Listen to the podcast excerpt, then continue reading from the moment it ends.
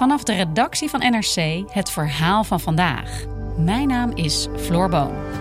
Onze dagelijkse podcast NRC Vandaag bestaat vijf jaar. Elke werkdag praten we je in 20 minuten bij over het verhaal van de dag. En vanaf nu kun je ons ook in het weekend horen met iets nieuws. Elke zaterdag brengen we een extra bijzonder audioverhaal. Luister NRC Vandaag nu iedere dag in je favoriete podcast-app. Een geallieerde soldaat die geen schuilplek heeft. Een jonge, bange nazi-soldaat en een vrouw uit het Franse verzet die neergeschoten piloten redt. Exact 80 jaar geleden, op die day, begon de bevrijding van Europa in Normandië. In Radio Oranje volgen we deze drie hoofdpersonages en wat zij beleefden op die ene dag. Luister de D-Day special nu via podimo.nl slash Radio Oranje en probeer Podimo 30 dagen.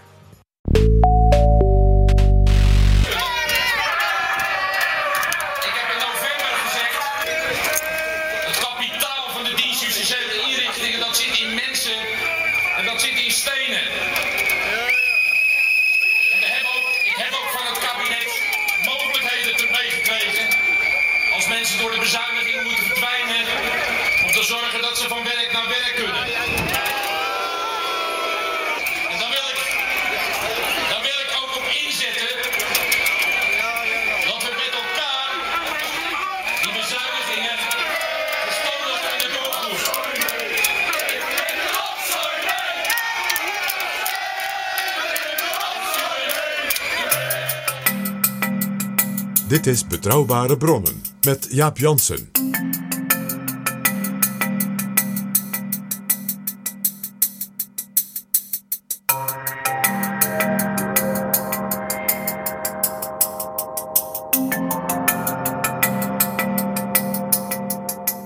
We zijn er misschien een beetje vroeg bij, maar toch. Door het coronavirus krijgt de economie klap na klap. Er is uitval van aanbod en ook uitval van vraag. Veel mensen werken thuis, de straten zijn leger dan ooit. Bedrijven vragen deeltijd-WW aan. Onze economie kan tegen een stootje, zei premier Mark Rutte. En de overheidsfinanciën staan er schitterend voor. Maar toch, misschien moet de politiek al snel weer gaan praten over bezuinigen. Misschien wel fors ingrijpen in de overheidsuitgaven. Als dat nou moet gebeuren, hoe gaat dat dan achter de schermen? We gaan erover praten met onze gast van deze keer, Eduard Schmid. Hij is 31 jaar oud en op 30 januari is hij aan de Rijksuniversiteit Leiden gepromoveerd op het onderwerp bezuinigen in tijden van crisis. Hoe doen overheidsmanagers dat? Welkom in Betrouwbare Bronnen 92, Eduard Schmid. Dankjewel. Ook welkom, PG. Dag Jaap. Dit is Betrouwbare Bronnen. Vanwaar, Eduard, die fascinatie voor dit onderwerp? Bezuinigen in tijden van crisis. Hoe doen overheidsmanagers dat? Ja, daar heb ik eigenlijk twee, eh, twee antwoorden op. Ehm, de fascinatie begon eigenlijk door het feit dat we eh, in ieder geval in de bestuurskunde, maar ook veel toch wel in het nieuws gaat het heel vaak over eh, groei van organisaties. Wat gebeurt er dan als je moet groeien, als je meer mensen nodig hebt? Maar we keken eigenlijk nooit naar wat gebeurt er nou als je met minder uit moet. En het interessante van de overheid is dat iedereen een mening heeft over de overheid. Sommige mensen durven zich amper op een eh, verjaardagsfeest als ambtenaar te presenteren, hoor ik wel eens. Maar ehm, we vinden tegelijkertijd wat de overheid doet wel heel belangrijk. Dus we vragen altijd van de overheid: wil je meer doen of hetzelfde doen met minder? En nou ja, dat is gewoon een heel ingewikkeld vraagstuk. Ja, en het lastige is natuurlijk van een overheid, anders dan bij een gewoon bedrijf. Als je moet inkrimpen bij een bedrijf, ja, als het echt heel slecht gaat economisch, eh, dan kun je aanvragen of je er twintig mensen uit mag gooien. En dat wordt dan, eh, als het echt slecht gaat, toegestaan. Maar een ambtenaar kun je niet zomaar ontslaan. Klopt. Nou, en wat dat ook is, is dat bijvoorbeeld een uh, VND kan natuurlijk uh, van de een op de andere dag besluiten de deuren dicht te doen en niks meer te gaan, uh, alleen de voorraad nog te verkopen. Um, maar een gemeente of een uitvoeringsorganisatie of een ministerie kan niet zomaar in één keer zeggen: wij doen de deuren dicht en we stoppen ermee. Dus je hebt altijd te maken met een nou ja, periode dat je moet gaan kijken hoe gaan we het slimmer doen, goedkoper doen, doelmatiger doen. En het lastige bij de overheid is natuurlijk ook dat ze niet een strategie kunnen bedenken zomaar die heel veel extra geld oplevert. Dus ze kunnen ook niet een marketingplan bedenken en nieuwe producten gaan verkopen of de prijs van een paspoort ineens verdubbelen. Dat, dat zit er ook niet in. Nee, want is natuurlijk het voorbeeld in een bedrijf. als directeur heb je soms het idee van ik zou het allemaal wel veel beter kunnen organiseren hier. Alleen ja, dan moet het wel zo slecht gaan voordat ik toestemming krijg om eerst al die mensen eruit te gooien en al die prijzen bij wijze van spreken te verdubbelen. Wat je dus ziet, dat is een heel interessant fenomeen dat Eduard aanstipt, is dat we dus eigenlijk tamelijk onbeholpen vaak zijn. Uh, bijvoorbeeld aan het begin van de kabinetsperiode, hè, in een regeerakkoord, van men heeft men allemaal plannen. En dan, ja, om dan dus hem de rekensom sluitend te krijgen, dan komt met een efficiëntiekorting of een doelmatigheidsaanslag op de ministeries. En dan kan er wel 3% af en aan het eind van de campusperiode 5%. En dat zijn hele, ja, mag ik zeggen, banale manieren van ingrijpen. Ja, sterker nog, eh, wat ik ook wel heb gehoord in de gesprekken met topambtenaren die ik heb gehouden, eh, is dat het voor hen ook vaak heel willekeurig voelt hoeveel welk ministerie moet bezuinigen. Dan zit er toch blijkbaar bij iemand aan die onderhandelingstafel bijvoorbeeld het in de afgelopen kabinetsperiode bij Rutte 2 iemand aan tafel die OCW een beetje kent. Uh, en die dan zegt, goh, bij OCW daar kan het wel doelmatiger. Laten we daar maar 13% afhalen. En dan doen we bij VWS misschien maar 4,4%. Dat, dat voelt voor die topambtenaren vaak heel willekeurig. Waarom nou op, op de ene plek heel veel en op de andere veel minder? En vaak ook voor uh, in zo'n regeerakkoord niet of nauwelijks zeg maar toegelicht.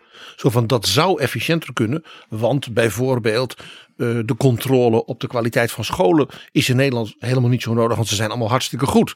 We stoppen dus maar met driekwart van de inspectie. Dat zou je kunnen denken. Ja? Maar dan heb je tenminste een overweging daarbij. Maar het is heel vaak zo dat dus die efficiëntiekortingen of heel generiek zijn, hè, overal 7%. Dan denk je, waarom? Waarom niet 8? Waarom niet 5? En soms dus gebaseerd op ja, rapportages waar men zegt van ja, daar kun je dit moeilijk aan ontlenen. Dus het is heel opvallend hoe slordig we vaak dus omgaan met de, uh, zeg maar de, de, de collectieve apparaten die die dingen doen waar heel Nederland zegt ja, maar dat moet gebeuren. Hè, dat ik uh, niet ziek word, dat er s'avonds op straat een politieman rondloopt hè, en dat de verkeerslichten het doen. Ja. Dat is heel opvallend. Eduard, je hebt 88 publieke managers geïnterviewd. En je hebt in je proefschrift een paar voorbeelden genomen. Een belangrijk voorbeeld in je proefschrift is het gevangeniswezen. Dat valt onder de dienst justitiële inrichtingen. Waarom heb je juist dat voorbeeld genomen? Nou, die gevangenissen zijn uh, in de periode rond Rutte 2 eigenlijk enorm aangepakt als het aankomt op wat voor budget ze hadden. Um, en daar kwam bij dat gevangenissen eigenlijk al jarenlang tekorten hadden en dus al bezig waren om efficiënter te werken. Um, en wat je in Nederland ziet eigenlijk ook, uh, misschien als je een beetje op de kaart kijkt waar nou gevangenissen zitten, dan hebben we misschien best een gek gevangenissysteem. We hebben bijvoorbeeld allerlei gevangenissen in uh, Drenthe zitten of in uh, Overijssel of, ver weg in, in Gelderland. Terwijl uiteindelijk de meeste criminaliteit in de Randstad is. Dus iemand bij DJI, de Dienst Justitiële Inrichtingen, heeft mij wel eens verteld, ja, de godganse dag rijden er busjes heen en weer tussen de Randstad en die gevangenissen. Dat is niet heel efficiënt. Dus van daaruit zit er al een soort inefficiëntie in het systeem. En daar kwam nog bovenop dat er ook gezegd werd: de criminaliteit daalt, het moet efficiënter kunnen. En die gevangenissen moeten wel met, nou ja, toch zeker 25% minder uitkomen. Zijn die gevangenissen ooit zo ver weg van de randstad neergezet? Vanuit een soort elite-idee van het, uh, het mag niet voor onze deur gebeuren allemaal? Ik denk dat het voornamelijk werk, uh, werkgelegenheidsprojecten zijn geweest. Uh, als je bijvoorbeeld een gevangenis neemt zoals in Veenhuizen, wat overigens een prachtige gevangenis is, een van de mooiste die ik, die ik ken. Um, maar in Veenhuizen, ja, daar, daar is de gevangenis toch de grootste bron van werkgelegenheid. Maar ook voor een bakker daar of voor een wasserette daar bewijzen van, is die gevangenis een hele belangrijke afnemer. Ja, dus een gevangenis waar enkele honderden mensen werken, die heeft voor duizenden mensen werkgelegenheid, zou je kunnen zeggen. Precies, ja. Het is een beetje zoals kazernes. Denk eens aan de mariniers in Vlissingen. Ja, en ook een kazerne die door uh, de ChristenUnie in een kabinetsformatie werd gered van verdwijnen. In regio's. Waar de ChristenUnie sterk is electoraal. Ruraal, relatief dun bevolkt. In het oosten, ja. Dat is heel opvallend. De, de, de, uh, wat Eduard net noemt, Veenhuizen. Dat hele gebied daar uh, is zeg maar al heel lang een soort, soort, soort, soort strafkolonie van ja. Nederland geweest. Ja, dat was al, eeuwen her al zo. Jazeker. Dat is dus een hele val. Dat is bijna een soort, soort, soort uh, zeg maar economische infrastructuur van die regio. Uh, maar Eduard, op een gegeven moment zie je gewoon als bestuurder, als politiek. er staan gevangenissen of delen van gevangenissen leeg. Dus dan kun, je, dan kun je eigenlijk de rekensom al maken. Uh, dat zou je zeggen van wel. Ik denk dat het ingewikkeldste aan die gevangenissen ook is, is die hele politieke component eraan. Want als je puur kijkt naar bijvoorbeeld uh, de prestatieinformatie, zoals we dat dan noemen, van uh, de, de recidive van de gevangenen die er vandaan komen, het verzuim van de medewerkers, het aantal geweldsincidenten, dan zou je misschien op hele andere keuzes uitkomen. Dat wordt allemaal gemeten dus? Dat soort dingen worden gemeten, hoewel daar ook weer allerlei trucs zijn natuurlijk om bepaalde dingen niet te doen. Want een beetje slimme gevangenisdirecteur zal misschien niet elk geweldsincident doorgeven. Want ja, je wil er toch wel goed op staan bij het hoofdkantoor. Maar wat je vooral ziet is dat uh, ook de politiek er een belangrijke rol in speelt. En op een gegeven moment bijvoorbeeld heeft gezegd: er mogen geen gevangenissen meer sluiten. Dat zorgt dan voor een enorm lastige situatie. Want soms is de bezetting in zo'n gevangenis zo laag geworden. Omdat mensen wel voelen van nou, het zal toch wel een keer tot sluiting aankomen dat het bijna onverantwoord wordt om zo'n gevangenis nog open te houden. En dan zou je eigenlijk beter soms kunnen zeggen: we gaan een vleugel dichtzetten of we gaan de, een hele gevangenis sluiten. Uh, en je kunt, ik kan me natuurlijk voorstellen dat als je een discussie hierover hebt aan een kabinetsformatietafel, dat bij wijze van spreken een uh, sociaal-liberaal zegt: sluit die gevangenissen maar, want we hebben gelukkig minder gevangenen. Maar, maar dat uh, iemand van de PVV zegt: nee, hou die gevangenissen open, want voor je het weet kunnen wij ze weer volstoppen met allerlei tuig. Volgens mij is dat eigenlijk ook constant de discussie daar, uh, daar geweest. Ik weet dat in ieder geval Fred Teven, die toen staatssecretaris was, dat vrij moeilijk vond om uh, die gevangenissen te gaan sluiten. Hij was natuurlijk de boevenvanger. En hij werd ook binnengehaald door die, de gevangenismedewerkers, uh, zoals dat tegen mij vertelde. Van ja, wij dachten Fred, dat was een van ons, dachten wij. Ja, eindelijk zo, zo Ronald Plasterk toen hij minister van Onderwijs werd. Nou, misschien wel, ja. Eindelijk een crimefighter aan het hoofd van, van deze keten. Precies. En dan, ja, dan blijkt toch dat hij die opdracht van het kabinet wel gaat uitvoeren om die gevangenissen dicht te doen. Uh, en ik denk ook wel dat dat hem zwaar is gevallen. Dat dat niet is wat je leuk vindt als, als VVD'er om dan uh, uh, op veiligheid in die zin toch te moeten gaan bezuinigen. Ja, overigens Fred Teven, staatssecretaris belast met de gevangenissen, die wordt in het proefschrift, het is natuurlijk in het Engels geschreven, de junior minister genoemd. En soms staat er ook tussen uh, haakjes, haakjes achter, dan staat er Fred en dan staat er tussen haakjes achter de junior minister. Um, wat zo'n proefschrift wordt natuurlijk tegenwoordig in het Engels geschreven. Klopt. En de meeste namen zijn ook, uh, zijn ook, zitten er ook niet in. Hè? Dus iedereen die je gesproken hebt, die hebben dat gedaan op basis van uh, anonimiteit. Ja, ik denk zeker bij uh, topambtenaren, dus eigenlijk vanaf de secretaris-generaal, directeur-generaal, directeuren. Um, ja, die hebben natuurlijk ook hun eigen carrière natuurlijk om in de gaten te houden. Uh, en om dit onderzoek dus denk ik te doen en hen wel de vrijheid te geven vrij uit te kunnen spreken, uh, heb ik iedereen ook anonimiteit beloofd. Er zijn ook mensen geweest die zeiden: Ja, ik wil wel met je spreken, maar je mag het bijvoorbeeld niet opnemen. Want de kans dat het dan uitlekt uh, is mij te groot. Ja, dit duidt misschien op de angst die ze ook in hun eigen apparaat hebben. Voor bijvoorbeeld WOP-procedures, waar journalisten alles gaan vragen over een bepaald onderwerp. En dat krijgen ze dan op een gegeven moment uh, vaak na heel lang wachten en soms met heel veel zwarte strepen er doorheen. Uh, maar blijkbaar zit dat zo die, dat die topambtenaren denken, nou ja, ook een uh, promovendus, die, die stukken die zouden misschien wel eens op straat kunnen komen te liggen. Ja, al heb ik wel het geluk gehad dat ik voornamelijk heb gekeken naar cases waar de politieke besluitvorming al gedaan was, waardoor mensen toch wel wat vrijer kunnen gaan, gaan spreken over het onderwerp. waardoor ik wel denk dat mensen eerlijk zijn geweest in hun beantwoordingen en ook zoveel mogelijk het, het echte verhaal hebben geprobeerd te vertellen. Wat ik als journalist uh, heel interessant vond in die casus van het gevangeniswezen. Dat, dat begint eigenlijk met een onthulling door Nieuwsuur op 21 november 2012, televisieprogramma Nieuwsuur. Dat onthulde dat 26 gevangenissen dicht moeten. Dat is ongeveer de helft van de gevangenissen die er toen waren. Daar schrok Fred Teven, toen de nieuwe staatssecretaris, heel erg van. Die vertrouwde eigenlijk zijn eigen dienst justitiële inrichtingen niet meer, want daar was dus gelekt. En iedereen kreeg ook de order: uh, niemand mag hierover met de buitenwacht spreken. Het plan is pas een plan als het een plan is, namelijk als ik het bekend maak officieel.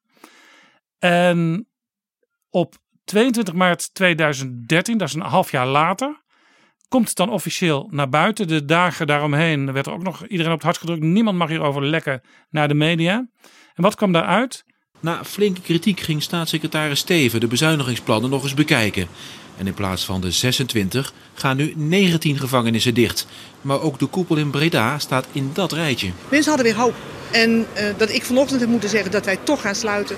Nou, dat kwam echt weer eh, verschrikkelijk hard aan. Sommige mensen hadden toch nog hoop. Terwijl dat Breda uiteindelijk financieel heel goed draaide. Het was een gezond bedrijf. Helaas, het heeft niet mogen baten. Maar ik denk niet dat we dit uh, zomaar over onze kant laten gaan. Nee, wat dan? Ik denk dat er nog wel acties zullen volgen. Ja? Ja, ja, ze kunnen heel mooi zeggen begeleiden van werk naar werk. Maar er is in deze regio geen werk. Ja. Ja, dit is mijn, mijn tweede reorganisatie die ik uh, meemaak. Ik zou willen weten wat je nou nog moet gaan doen. Burgemeester Peter van der Velde van Breda heeft in Politiek Den Haag nog stevig gelobbyd. Maar ook dat kon de sluiting van de koepel in 2016 niet voorkomen. Ik betreur dat omdat de koepel een van de best functionerende gevangenissen is van Nederland. Ook bedrijfseconomisch. Maar uh, dat heeft geen gehoor gevonden. Volgende week bespreekt de Tweede Kamer het nieuwe bezuinigingsplan van staatssecretaris Steven. Ja, er komt een Kamerdebat volgende week donderdag zoals het er nu naar uitziet om 10 uur.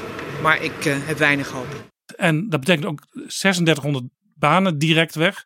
Plus nog eens al die banen op de tocht waar je het straks over had. Namelijk de bakker en de, was, uh, de man van de wasmachines en noem maar allemaal. Ja. En die buschauffeurs. Die, uh, hè, dat wat Fred Even nu zelf ook doet. Op busrijden. maar dit is dus in die zin ook een heel spannend onderwerp. Want het, het spreekt tot de verbeelding. Je ziet die gevangenissen, die zie je staan. Je ziet die mensen die daar werken en van afhankelijk zijn. En je ziet de topambtenaren die uh, op bij wijze van spreken dag 1 van nieuwe bewindslieden de opdracht krijgen. Gaan jullie hier maar eens een inhoudelijk plan voor maken. En zij moeten dat dan uiteindelijk ook weer aan al die mensen overbrengen die misschien wel hun baan verliezen. Ja, ja, wat ik het fascinerende vind aan die topambtenaren is uh, dat heel veel mensen eigenlijk verwachten dat dit uh, precies de mannen en vrouwen zijn die uh, aan de touwtjes trekken en die wellicht als een soort marionet ook gewoon precies bepalen wat er gebeurt.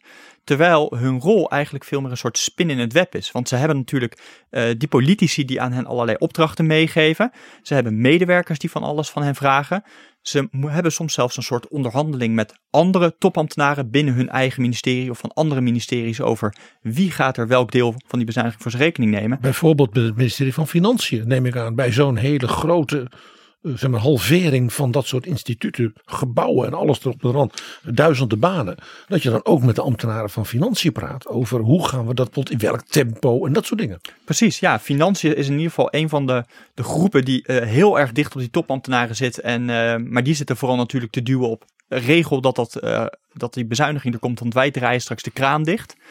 En uiteindelijk heb je daaromheen dus nog een hele groep mensen zoals uh, burgemeesters, commissarissen van de koning, vakbonden, die ook allemaal hun belangen hebben in die bezuinigingsprocessen. Uh, bijvoorbeeld omdat ze die werkgelegenheid in hun regio op peil willen houden en zich dus ook ermee gaan bemoeien.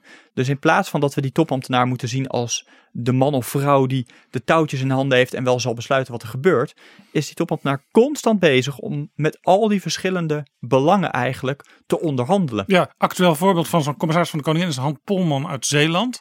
Zo boos hebben we een commissaris van de Koningin lang niet gezien in uh, Buitenhof, nota bene het keurige tv-programma Buitenhof. Des Konings. De commissaris des Konings, ja. oh ja, dat zeg ik altijd verkeerd, hè? Leven de koningin. Hoera, uh, hoera, hoera. Maar die kwam echt op voor, voor Zeeland, voor zijn mensen. En eigenlijk straalde hij uit, ik ga hier niet weg uit deze televisiestudio voordat het geregeld is. Ja, ja. Het is gewoon bedriegen. Het is gewoon dat je, dat is bestuurlijk niet alleen not done, maar zo ga je ook niet met mensen om. Maar u bent dus voorgelogen door haar. Daar komt het op neer. En dat betekent ook dat je... Uh, uh, kijk, in, in, in bestuurlijk Nederland, als er dilemma's zijn... en je zegt van, er zijn misschien nieuwe eisen... of er zijn nieuwe ontwikkelingen, dan ga je om tafel... Ja. en dan zeg je, uh, dit is een probleem, hoe komen we daaruit? Inzicht, nieuw ja. inzicht. En dat is afgelopen periode ook met een aantal onderwerpen gebeurd... waar oplossingen voor zijn afgesproken. Maar meneer Polman, ik, ik, ik, u, u zegt dat netjes, maar u zegt heel scherp in dit gesprek vandaag in Buitenhof... Uh, de mevrouw de staatssecretaris die heeft mij en de provincie voorgelogen. Dat ging toen rond die gevangenissen ook een beetje zo. Hè? Misschien niet zo openbaar, maar wel uh, in ieder geval langs de binnenlijn. En vaak is een commissaris van de koning ook nog lid van een partij die toevallig in de regering zit. Dat is handig. Zeker, ja. Nou, wat je gewoon ziet is dat uh, een gevangenisdirecteur zelf kan natuurlijk niet heel erg in het openbaar, op de, in de media bijvoorbeeld, gaan zeggen: we moeten dit niet doen. Uh, dit is een belachelijk besluit. Maar dus wat gaan die een hoog wc-eendgehalte, hè? Nou ja, ook. En elke gevangenisdirecteur zal zijn eigen gevangenis heel goed vinden. Maar wat je natuurlijk krijgt, is dat die Ken, gevangenisdirecteuren... kennen zij elkaar allemaal, die gevangenisdirecteuren? Komen die een paar keer per jaar bijeen voor vergaderingen? Ja, en, en voor eh, updates over het beleid. Ze praten mee natuurlijk over alles wat er gaande is. Ehm, en ze zijn denk ik in die zin ook wel loyaal naar elkaar. Dus ze zullen niet zo snel zeggen eh, iemand anders onder de bus gooien. Maar wat je wel ziet is dat ze toch wel proberen om hun eigen gevangenis eh, te behouden. En dan is het dus zo dat ze bijvoorbeeld naar zo'n burgemeester of commissaris van de koning stappen en zeggen ja, besef je wat voor impact dit op de werkgelegenheid gaat hebben als wij nu die gevangenis dicht gaan doen. En het mooie is ook dat eh, dat is eigenlijk al een nou ja, creatieve vorm misschien wel die eh, die, die eh, gevangenisdirecteuren laten zien. Soms wordt het nog veel creatiever wat ze eigenlijk doen. Wat ik een mooi voorbeeld is, Veenhuizen wilde dus heel graag, die stond ook op de lijstjes om te gaan sluiten, wilde graag open blijven. Die hebben op een gegeven moment als gebied met een aantal andere gebieden een aanvraag gedaan bij UNESCO om tot werelderfgoed benoemd te worden. De koloniën der weldadigheid. En ja, die kolonie der weldadigheid, die moeten natuurlijk nog wel een in gebruik zijnde gevangenis hebben. Dus dat werd allemaal opgenomen in dat soort voorstellen. Zo, nou ja, er werd een beetje zo gesuggereerd. Dus, dus de culturele investeringen van de Verenigde Naties werden in stelling gebracht tegen Fred Teven. Om te voorkomen dat die eeuwenoude strafkoloniën in de, in de, in de, in de turfsteekgebieden ten onder gingen. Ja, je wilt dus in die zin kan je dus proberen om je gebied zo belangrijk te maken dat het niet ten onder kan. Wat ik een ander mooi voorbeeld vond, dat Nog is even wel over, van, ja, even ja. over Veenhuizen. Eh, want PG die komt eh, heel vaak, eh, nou heel vaak, af en toe met eh, een operafragment. Meestal tegen het einde van de aflevering. Maar Veenhuizen, je, je herinnert je misschien, Johnny Cash heeft ooit een lied gemaakt over de gevangenis San Quentin. Die trad ook op in die gevangenis. Trad Daar zijn op. hele beroemde En live is daar ook, opna- die, opnames grote, van. de grote hit is daar ook live opgenomen. Dan hoor je die gevangenissen af en toe ook joelen van helemaal raak wat die... San Quentin, I hate every inch of you. Precies. San Quentin, you've been living hell to me. You blistered me since 1963. I've seen 'em come and go, and I've seen 'em die. And long ago I stopped asking why. San Quentin, I hate every inch of you. You cut me and you scarred me through and through. And I'll walk out a wiser, weaker man. Mr. Congressman, you can't understand.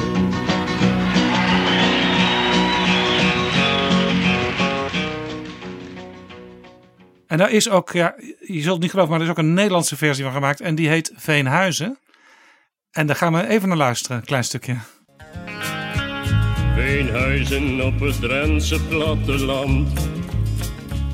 Een baaiers met veel zorg en trammeland. Je hebt voor niet één vent iets goeds gedaan. Dus jongens, laten wij daarom maar gaan. En dat is eigenlijk precies dezelfde tekst ongeveer als St. Quentin, maar dan over Oh, goed, ik Veenhuizen. kende het niet eens. T- Dit liedje Veenhuizen van Alias Berger past eigenlijk heel goed bij jouw verhaal, want dat gaat gewoon over hoe het in die gevangenis is. En dit is dus de andere kant van het verhaal, namelijk het kan ook heel rot zijn in de gevangenis. Dat zeker, ja. Nou, wat misschien nog een andere mooie strategie is om te noemen, die, eh, die ook eh, eigenlijk voor, of die ik later heb gezien, dat was, die heb ik niet in mijn proefschrift opgenomen, omdat dat pas recent was. Die heb je Dus- bewa- bewaard voor betrouwbare bronnen. Die heb ik bewaard voor betrouwbare bronnen. Dat vond ik wel heel mooi dat ze op een gegeven moment, eh, ik meen in de gevangenis in Almelo, is een hele mooie nieuwe vadervleugel geopend. Specifiek om vaders die in detentie zitten dan ook in contact te kunnen laten komen met hun kind. Zonder dat er zo'n eh, plexiglas eh, tussen zit. Ehm, geopend door Sander Dekker. Want die gaat nu over de gevangenissen. Nou ja, en op het moment dat er nu weer bezuinigingen zouden komen op de gevangenissen, weet je dat Almelo buiten schot zal blijven. Want ja, Sander Dekker gaat toch niet wat hij een paar maanden geleden geopend heeft, eh, nu weer meteen eh, een streep doorzetten. Ja, Ja. en dat is ook heel slim, want dan kunnen alle jonge vaders die de bak indraaien, die kunnen allemaal naar eh, Almelo. Ik denk dat we daarvoor te veel jonge vaders in de bak hebben, ben ik bang. Maar bijvoorbeeld zo'n van die speciale uh, uh, zeg maar, hoogrisicogevangenissen als in Vught, daar geldt ook hetzelfde voor. En hetzelfde voor bijvoorbeeld uh, het, nou ja, onze internationale gevangenis, zou ik maar zeggen, die we hier uh, in de buurt hebben. Ja, dus dat zijn dus zeker zijn allemaal trucs die ervoor kunnen zorgen Strategieën. dat zo'n gevangenis mag blijven. Ehm, wat zijn jouw bevindingen? Want de, het lekte er dus uit, 26 gevangenissen zouden dicht moeten. Nou, dat hele apparaat komt in opstand. Er gebeurt van alles. Ja, wat je eigenlijk zag is op het moment dat dat nieuws bij nieuws naar buiten werd gebracht en er enorme onrust ook uitbrak, heeft eh Teven besloten we gaan nog maar met een hele kleine groep mensen samen uiteindelijk eh, die besluiten nemen. Die besluitvorming wordt gecentraliseerd, wat heel gebruikelijk is tijdens eh, een crisis. Ook tijdens zo'n coronacrisis is dat iets wat gebeurt, dat alleen de absolute top snel beslissingen neemt. Maar het gevolg is, doordat al die gevangenisdirecteuren niet meer meegenomen worden, dat er een enorme weerstand ook bij hen ontstaat, want het zijn ook niet hun plannen meer. En dat En, leidt er en dus- geruchtvorming. er zijn, is geruchtvorming uiteraard. Mensen houden ook het nieuws in de gaten. Er is eh, enorme onrust. En je merkt dus ook dat die gevangenisdirecteuren eigenlijk tot het allerlaatste moment eh, niet wisten of hun gevangenis op de definitieve lijst zou komen of niet. Dus wat ik me zo voorstel is dat op de dag dat die ministerraad is en dat er een, een klap op is gegeven, dit wordt de lijst, dan zitten dus die gevangenisdirecteuren als een soort zenuwachtige pubers bij de telefoon te wachten op hun examenuitslag. En in dit geval dus, blijft je gevangenis open of dicht? En direct daarna moet jij je medewerkers vertellen vanaf de zeepkist: jongens, we hebben fantastisch nieuws, we blijven toch open. Of ja, het spijt me heel erg, maar we gaan dicht, jullie zijn je baan kwijt. Was bij het lekken naar Nieuwsuur, zat daar ook al een gedetailleerde lijst bij? Er zat een lijst bij van, van te sluiten gevangenissen. En dat maakt natuurlijk die onrust ook zo groot. Dus dan wist je bijna zeker dat het, dat het zou gaan gebeuren. Aan de andere kant, als jouw gevangenis op de lijst stond van eh, inrichtingen die mochten blijven, dan was je daar ook niet helemaal zeker van. Dat is het dus ook. En dat maakt dus ook dat, die, nou ja, dat het in die zin logisch is dat je ook bijvoorbeeld gevangenisdirecteuren wil betrekken bij die besluitvorming. Zodat ze ook op de hoogte zijn en in ieder geval wat dingen kunnen delen. Maar goed, je hebt wel dat politieke risico dat uiteindelijk er gelekt wordt. eh, door wie dat ook gedaan wordt dan. En natuurlijk dat je daarmee op een gegeven moment als staatssecretaris weer eh, in de knel komt met het parlement. Ja, zou het, misschien is het naïef hoor, maar als ik staatssecretaris zou zijn, zou, het dan ha- handig zijn als ik aan al die individuele gevangenisdirecteuren zou vragen: kun je mij eens op een A4'tje zetten, boven op het A4'tje, waarom jouw gevangenis eh, uiteraard echt moet blijven, waarom er zoveel waarde aan zit dat, dat deze gevangenis niet dicht kan. En op de onderstel van het A4'tje wil ik graag zien waarom eh, deze gevangenis wel, wel dicht kan. En op de achterkant van het A4'tje wil ik nog tips over de rest van het land, hoe je daar tegenaan kijkt. En als ik dan al die A4'tjes naast elkaar leg, dan kom ik er misschien wel uit. kan een, eh, een mooie strategie zijn. Eh, wat ze uiteindelijk, waar ze ook wel eh, mee hebben geëxperimenteerd, en ik denk dat dat nog veel beter werkt, is eigenlijk de exercitie. Als we weer moeten gaan sluiten bij de gevangenissen, wat zijn dan de belangrijkste indicatoren wat jullie betreft waarop we die beslissingen zullen gaan nemen? Ehm, zonder dat we nu direct zeggen dat betekent dat jij dicht moet of dat jij dicht moet. Je Ehm, vraagt eigenlijk de kalkoenen om het beste recept voor kerst. ja, maar dat probeer je wel te doen voordat het kerst is natuurlijk. Maar dus dat dan- moet je rond Pasen al gaan Maar dan doen. zou ik dus, als ik in Almelo zat, zeggen... Nou ja, de eerste die je natuurlijk moet sluiten zijn de gevangenissen waar geen vader eh, ontmoetingscentrum zit. Ja, over het algemeen zullen ze dan... Te veel moeders zitten. Daar zijn, zijn we er, daar hebben we er weer niet zoveel van, volgens mij. Nee, volgens mij moet je eerder kijken naar veel algemenere dingen. Dus bijvoorbeeld, eh, hoeveel geweldsincidenten zijn er in een gevangenis? Wat is het ziekteverzuim onder de medewerkers? Is het een verouderd gebouw of is het een nieuw gebouw waar je nieuwe voorzieningen kunt Maar wacht even, Precies. geweldsincidenten die kunnen toch juist ook leiden tot meer personeel. En dan ben je weer blij als directeur. Over het algemeen hebben we allemaal normen over hoeveel, hoeveel gevangenisbewaarders eigenlijk op hoeveel gevangenen zitten. En dat probeer zoveel mogelijk te, te houden. Dus wat dat betreft is het niet meteen zo dat als er veel geweldsincidenten zijn, dat je heel veel extra krijgt. Er zijn natuurlijk wel weer soms hele andere maatregelen, zoals bij de extra beveiligde inrichting in Vught. Daar zitten natuurlijk meer mensen per gedetineerde dan bijvoorbeeld in een, noem het even, reguliere gevangenis. Ik, ik eh, uit mijn eigen ervaring een heel interessant voorbeeld van dit verschijnsel. Dat was eh, toen het eerste Paarse kabinet enorm ging bezuinigen op de kunstenscholen. Dus conservatoria, academies en dergelijke. Die, toen heeft men vanuit het ministerie van Onderwijs ook als het ware de verdeeldheid bewust bevorderd tussen die opleidingen. Door bijvoorbeeld de grote conservatoria in de Randstad, die natuurlijk dicht tegen de grote orkesten en zo aanzitten. En de opera en het Nationaal Ballet. Om die een beetje op te jutten van, nou, als jullie nou zeggen, ja, dat, dat in Groningen, de Hans Hogeschool, dat is leuk hoor. Maar eh, niet één violist daarvan komt ooit in een groot orkest. En dat die dansacademie in Arnhem en dat, in Schede en Maastricht heeft wel een grote mond. Dat ze dicht bij eh, grote kunststeden in Duitsland en Frankrijk zitten. Maar eigenlijk doen ze het niet zo goed. En, of laten ze alleen als lerarenopleiding overblijven. Concentreren we de rest in de Randstad. Dat is dus ook een spel wat dan gespeeld wordt vanuit dus de hoge ambtenaren. Om als het ware de kans dat een zo omstreden voorstel van het kabinet het haalt. Om die kans te vergroten. En eh, da- da- daar worden dus inderdaad, net als wat jij vertelde met, met eh, de gevangenissen, met de vadervleugel en dat soort dingen. wor- Worden dus ook eh, instellingen dan tegen elkaar uitgespeeld. En dit zijn dus typisch dingen die, die ambtenaren doen, signalen die ambtenaren afgeven. Want een minister of een staatssecretaris, die is natuurlijk vaak toch denk ik een beetje bang om moeilijke boodschappen over te brengen. Tenzij zo'n politicus natuurlijk heel stoer wil zijn. Zo van, mijn partij had toch al in het verkiezingsprogramma staan. We moeten, die, die kunst dat is een beetje overbodig en nogal duur. Eh, Dan gaat hij het natuurlijk wel doen. Maar zeg maar een, een, een, een Partij van de Arbeid, D66, noem maar op. Bewindspersoon die zal dat uit zichzelf niet zo graag doen, denk ik. Dit betrof een D66-bewindsman onder een PvdA-minister. Die de D66-bewindsman een financiële truc in de maag had gesplitst. Was dat Aad Nuis? Dat was Aad Nuis, de speechschrijver van Hans van Mierlo. Die liet dat dus wel door zijn ambtenaren uitwerken. Ja, en daar speelde natuurlijk dat de heer Nuis eh, in de kunstwereld van de Randstad natuurlijk een habitué was.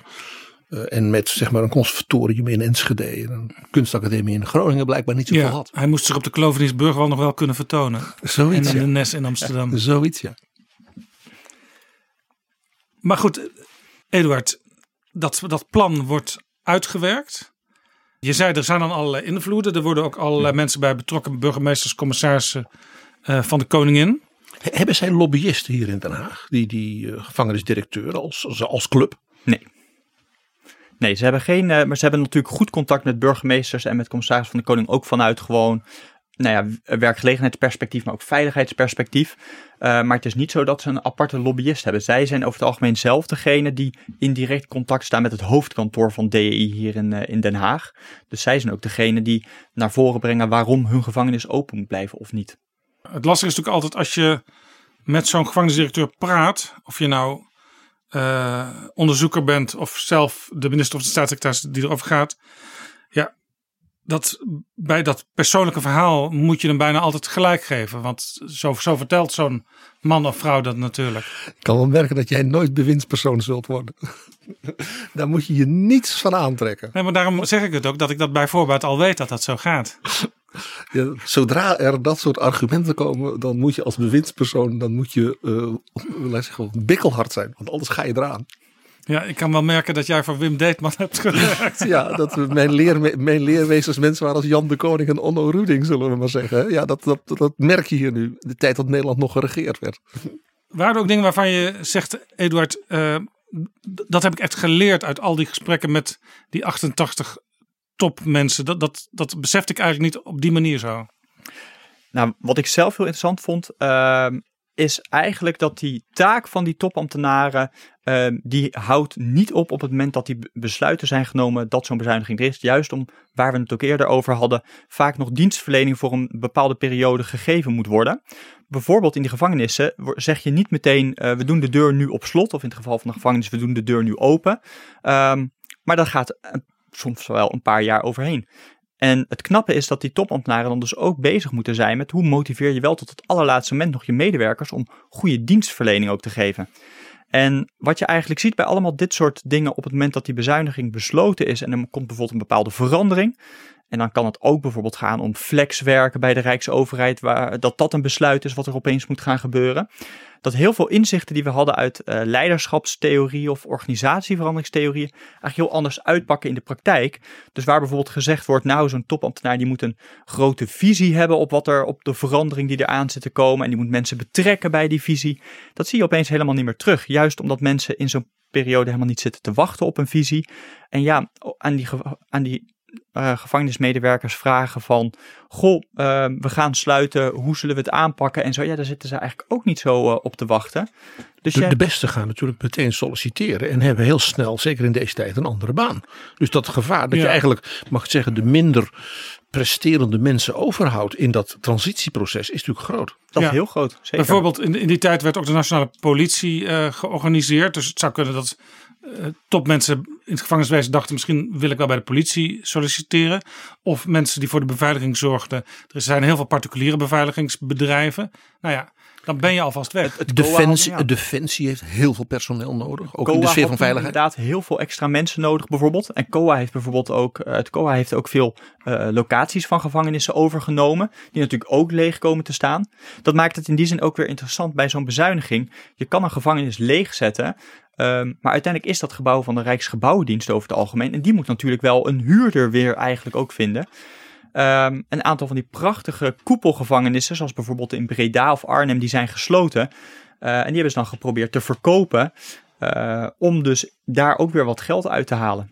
Die, die van Haarlem, is een geweldig plan om daar een soort University College van het HBO in te vestigen. Inclusief een nieuwe vestiging voor de conservatorium van in Holland, in Alkmaar. Dat zou verhuizen naar Haarlem. Want die doen heel veel popmuziek en uh, musical en dat soort dingen. En dan hebben ze een fantastische locatie voor als het daar uitvoeringen ook. Het is echt fascinerend. Het is, hoe dus... een, het is een prachtig gebouw. Dus wat dat ja. betreft hoop ik ook dat ze die koepelgevangenissen, die zijn uh, gesloten ook voor een deel omdat ze inefficiënt zijn. Want de looplijnen voor de gevangenisbewaarders zijn daar ook lang.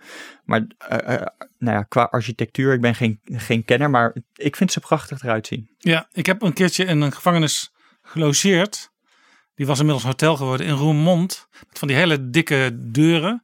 Daar hadden ze overigens wel meerdere cellen tot één kamer gemaakt dan. Dus het was allemaal nogal luxe uiteindelijk. Maar het is wel mooi om daar, om in zo'n oud gebouw uh, een weekendje te, te, te zitten. Ik kan me voorstellen. Maar nog even, misschien om dit blokje af te, ja. te ronden. Uh, ambtenaren zijn deskundig, ga je vanuit.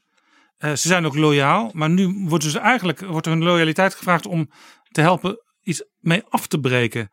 En zo'n gevangenisdirecteur zit dan helemaal in een lastige positie, want die krijgt van bovenaf een opdracht. En die moet hij ook nog uh, naar zijn mensen toe verdedigen, terwijl hij zelf helemaal misschien niet mee eens is. En ook nog, en, en ook nog dus in die omgeving, de gemeente, de veiligheidsregio, de korpsbeheerder. Ja, en allemaal van dat soort dingen. Daar, dus op een soort horizontaal uh, relatienetwerk. Dat maakt dus die taak van die topambtenaren uh, super interessant en tegelijkertijd ook ontzettend moeilijk. Um, dus als we het hebben over, uh, nou ja, er zijn veel topambtenaren ook in het nieuws natuurlijk nu en hebben we de goede mensen en dat soort dingen.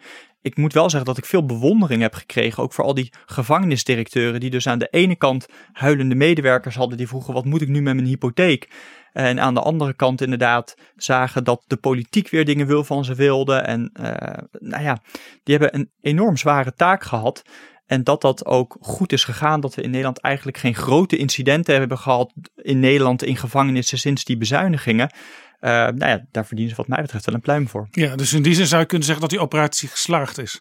Overigens, tijdens dat hele proces richting die bezuinigingen werd op een gegeven moment aangekondigd dat, dat het bedrag 22% verlaagd zou worden. Het is dus uiteindelijk geen 100% bezuinigd geworden, maar 100 min 22%. En ik heb al eerder gezegd, Veenhuizen blijft ook open. Dus dat staat ook in het masterplan. Veenhuizen blijft open. Daar hebben we een hele discussie over gehad. Veenhuizen ging eerst dicht, het eerste plan van november 2012. Is een nationaal gekomen. Nou, toen iedereen actie gaan voeren, hebben we een goed debat met elkaar gehad. Veenhuizen blijft open. Veenhuizen blijft dus open. Punt. Punt. Dat er nu Noorden komen voor drie jaar met een verlenging van vijf jaar. En dat is goed bevalt misschien nog eens twee jaar. Dat zeven jaar, dat zou kunnen zijn. Maar ook na zeven jaar en na vijf jaar blijft Veenhuizen open. Punt. Misschien moet er dan wel een andere inrichting dicht over zeven jaar, dat zou kunnen. Maar ik heb beslist dat Veenhuizen open blijft. Op een gegeven moment vond Teven toch nog ergens een, een potje op zijn ministerie. Eh, ook Dat, wel dat, tot dat potje ja, lag waarschijnlijk onder dat bonnetje, wa- wat ze ook niet konden vinden. Dat zou heel goed, eh, heel goed kunnen. Nee, maar Of het stond er bovenop.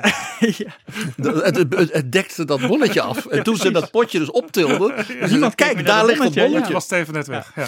Maar dat, dat is natuurlijk. eh, hij heeft op een gegeven moment heeft hij een potje geld gevonden. Ook wel eh, volgens mij een beetje tot verrassing van, van, van topambtenaren. die niet wisten dat er nog heel veel mogelijk was. En daarmee kon hij bijvoorbeeld weer ook tegemoetkomen aan de wens van de ChristenUnie. die bijvoorbeeld eh, een aantal TBS-klinieken. die bijvoorbeeld ook onder DEI vallen, kon openhouden. eh, in gebieden waar, nou ja, niet eh, verrassend, eh, behoorlijk wat ChristenUnie-stemmers Dit bijvoorbeeld vind ik toch altijd zo wonderlijk, PG. Er, er is heel vaak, bij heel veel misère, uiteindelijk een potje. Ja, en dat komt omdat dit land zo schathemeltje rijk is. Eh, In een rijksbegroting van 350 miljard hè, is er altijd wel een plooi. Hoe kan dat? Want we hadden het net over het ministerie van Financiën dat heel streng kijkt op bezuinigingsoperaties. Daar lopen ook ambtenaren van het ministerie van Financiën in en uit bij de vakministeries om dat allemaal te controleren. De begrotingsinspecteur van het ministerie van Onderwijs en Wetenschappen, toen die in de jaren 80, toen er een nieuwe werd benoemd, heeft hij dus mij laten bellen, als de toenmalige rechterhand van de minister, om met mij kennis te maken. En hij kwam daarvoor naar het ministerie van Onderwijs. En toen zeiden dus de ambtenaren van het ministerie van Onderwijs, oei. Gevaarlijk. Want meestal was het natuurlijk zo, jij moet daar naar financiën komen. Financiën is toch wel een beetje de, de, de, de, de, de, de summum hè, van de ministeries, vinden ze zelf vooral ook. En het feit dat hij zegt, ik kom naar jou toe, was natuurlijk heel beleefd. Eh, maar had, daar zat ook iets, iets, bijna iets dreigends in. Van, en ik ga dus niet weg voordat jij hebt gedaan wat wij willen. Dat was allemaal, het was vooral heel beleefd. En ik had een uitstekende verstandhouding met die mensen eh, in mijn werk. Dus dat was een Vroeg hij ook aan jou, doe eens een paar deuren van kast open en kijken of er lijken uitvallen? Eh, nou, dat was al lang niet meer het geval eh, in die periode. Maar het was wel zo van hoe belangrijk het was dat dus de ambtenaren van financiën dus over de centjes hè, van het onderwijs gingen, waar toen in die jaren ook enorm in gesneden moest worden, dat die jou begrijpen en dat jij hen begrijpt. Dat je ook een beetje dezelfde taal spreekt als je het hebt over bijvoorbeeld risico's die er aankomen, alternatieven die je eventueel zou kunnen doen. En dat maakte dus het gesprek aanzienlijk eh, eh, beter, eh, soepeler en daardoor ook aanzienlijk creatiever. Want het is wel zo, dat zal denk ik bij de gevangenissen niet anders zijn, dat het met name dus de ambtenaren van financiën zijn die met zogenaamde heroverwegingsrapporten. Je had toen de twintig commissies van eh, Wouter Bos en eh, kabinet Balken en de Vier om de scenario's voor bijvoorbeeld vergaande ingrepen, bezuinigingen te ontwerpen. Dus- Dus het sluiten van die 26 eh, gevangenissen werd, was vast niet bedacht door een ambtenaar op justitie, maar door een ambtenaar op justitie in een commissie met ambtenaren van financiën en bijvoorbeeld binnenlandse zaken over scenario's voor bijvoorbeeld reorganisaties, Ja. efficiency. En soms krijg je dus, ehm, Eduard, op een ministerie krijg je een soort opdracht vanuit financiën. Altijd op basis natuurlijk van het regeerakkoord of van een, een eventueel gemaakte tussenbalans. Van, van financiën levert die rapportages aan de kabinetsinformateur. Ja, ik als, als scenario's ja, ik voor de onderhandelingen. een- een- een- inderdaad, je had het over die scenario's en die commissies waar Wout- Wouter Bos ook als minister van Financiën bij betrokken was. Ik herinner me een doos waar al die rapporten in zaten. Maar ik weet ook dat eigenlijk dat soort rapporten eigenlijk permanent geüpdate worden. Dus in de computers van Financiën zitten eigenlijk alweer hele nieuwe rapporten. Je hoeft alleen maar op print te drukken zodra er een kabinetsformatie dat is. denk ik. Ik denk bijvoorbeeld in het geval van die gevangenissen dat eh, het best wel kan dat in die heroverwegingen eh, nu ook weer gekeken wordt naar elektronische detentie. Dat zat er namelijk bij Rutte 2 ook al in. En dat is toen gesneuveld eh, vanwege het feit dat Teven zei: Ja, ik wil niet dat gedetineerden met een biertje op de bank gaan zitten. Dat beeld werd een beetje opgeroepen. Dus dat, is een, eh, dat zou voor meer dan 90 miljoen in de bezuinigingsplannen staan. Dat werd uiteindelijk, ik geloof, een miljoen of 16. Ehm, Maar reken maar dat Grapperhaus voor zijn opvolger een dergelijk scenario met financiën al heeft voorbereid. hè? Exact, daar zitten vast weer nieuwe, nieuwe dingen bij. Dus dat zijn wel type maatregelen die je dan waarschijnlijk straks weer eh, nou ja, uit de kast geüpdate En kunnen het vervelende is natuurlijk als financiën ideeën oppert in zo'n rapport. waarvan je eigenlijk als, als vakminister denkt: van ja, dat kan helemaal niet. Of als, of als eh, topambtenaar op zo'n ministerie. Want dit en dat en die en die consequenties. Ja, dan ligt op een gegeven moment wel bij jou de verplichting om dan een alternatief te bedenken. Dus je bent uiteindelijk even ver van huis. En, wat ook heel opvallend is, informaties, uh, er zijn gouden ouwen. Je weet gewoon, ik spreek weer even vanuit het ministerie van Onderwijs, maar het zal bij de gevangenissen net zo zijn. Je weet gewoon, de ambtenaren van Financiën komen met de volgende drie, vier scenario's. Uh, je kunt wel stoppen met de OV-jaarkaart. We kunnen de, de collegegelden verhogen. Nou, uh, Eduard was bestuurslid van de LSVB. Dus die heeft al deze dingen waarschijnlijk in die tijd ook voorbij zien komen. Zeker. De scenario's die vanuit Financiën gewoon, dat ligt klaar. Wat jij zegt, druk op de knop. Komt er zo uit, levert zoveel op. 10% variant, 10, 15% variant. En in de tijd van, van Onno Ruding 25% variant. Bezuiniging dus op bijvoorbeeld Ja. alle universiteiten. En als je het echt niet meer weet, dan, dan boek je gewoon efficiency kortingen in. En dat wordt dan in de loop van de jaren wordt dat wel of niet ingevuld. Efficiency kortingen zijn denk ik een van de allerpopulairste als het gaat om bezuinigingen. Want dan is het simpelweg, we kaasschaven een stukje van het budget af. We doen niks aan jullie taak. Je blijft gewoon hetzelfde doen. En je regelt maar dat het efficiënter kan. Ja, het prettige is wel voor de ambtenaren dat, dat er een soort van solidariteitsidee is. Hè? Iedereen Exact. moet een klein beetje leiden. Het wordt ook in de Engelstalige literatuur wel eens de equal misery approach genoemd. Dus dat past natuurlijk heel mooi bij, bij die kaasschaafgedachte. En je ziet ook dat het in het begin bij een bezuiniging, als er eigenlijk voor het eerst bijvoorbeeld bezuiniging wordt opgelegd, kan het vaak ook wel. Want vaak zit er wel iets van lucht in zo'n begroting. Dan ga je wat, eh, wat dingen bezuinigen, zoals eh, bijvoorbeeld eh, business class vliegen. Dat gaan we dan bijvoorbeeld nimmer doen. Of we gaan versoberen van de kerstpakketten. Ik noem maar even wat, wat dingen. Ehm, maar op een gegeven moment, en dat is het grote risico van die efficiency kortingen, je weet niet wanneer je met die kaasschaaf het vet eraf gehaald hebt en wanneer je in het bot komt. En dat is het grote gevaar. Op het moment dat je steeds een plakje eraf haalt, kan het best lang goed gaan. Maar het kan in één keer helemaal misgaan. Ik denk ook dat je daar best wel wat voorbeelden hebt gezien eh, in, de, in de praktijk bij uitvoeringsorganisaties. Waar het dus inderdaad misging. Dit is Betrouwbare Bronnen, een podcast met betrouwbare bronnen. Over uitvoeringsorganisaties eh, gesproken. De Tweede Kamer gaat een parlementair onderzoek instellen naar uitvoeringsorganisaties. Er is een motie aangenomen in oktober 2019 van eh, Pieter Herma, de fractievoorzitter van het CDA. Dat onderzoek dat, eh, dat gaat echte verhoren doen. Die beginnen in september van dit jaar. En dan begin volgend jaar komt uiteindelijk het rapport. Er is een hele commissie van parlementariërs nu samengesteld. Eh, die dat gaat voorbereiden. Ja, onlangs is er een, een hele dikke brief van, ik geloof iets van 18, 19 kantjes, van de Kamervoorzitter naar de Kamer gegaan met het hele plan eh, erin. En dan gaan ze dus de Belastingdienst analyseren, UWV, IND, Ja, dat zijn natuurlijk de, Duo. de diensten die altijd genoemd worden waar veel mis is. Over de Belastingdienst hebben we in Betrouwbare Bronnen aflevering 68 een uitgebreid gesprek gevoerd met eh, journalist Pieter Klein van RTL en Jan Klein Nijhuis van Trouw. En ook Jurgen de Vries van de Bond voor Belastingbetalers, die zat erbij. En ja, dat is echt hemeltergend wat die journalisten allemaal hadden uitgevogeld over wat er mis is met die Belastingdienst. En eh, wat er ook mis was eigenlijk tussen de dienst en de bewindslieden. En zo'n belastingdienst is een enorme dienst. Daar werken iets van 30.000 mensen voor. En die konden zich inderdaad niet meer op feestjes eh, vertonen van een jarige oom. Want ja, je wilt toch niet eh, praten over die dienst van jou waar helemaal niks van deugt eh, volgens de mensen in het land. En de, ook na die eh, eh, toestanden waar we toen met eh, die mensen over spraken. En het vlak daarna aftreden van staatssecretaris Menno Snel. Is het niet zo dat sindsdien, als dat het rust is wedergekeerd. En men in grote sereniteit eh, weer daar aan het werk is. Want er gaat bijna geen dag voorbij. Of er komen nieuwe onthullingen over, eh, zeg maar nou ja, buitengewoon kwestieuze besluitvorming. Ja, afgelopen en, week- en de manier waarop met mensen omgegaan werd. Afgelopen week was er een vergadering met de twee nieuwe staatssecretarissen.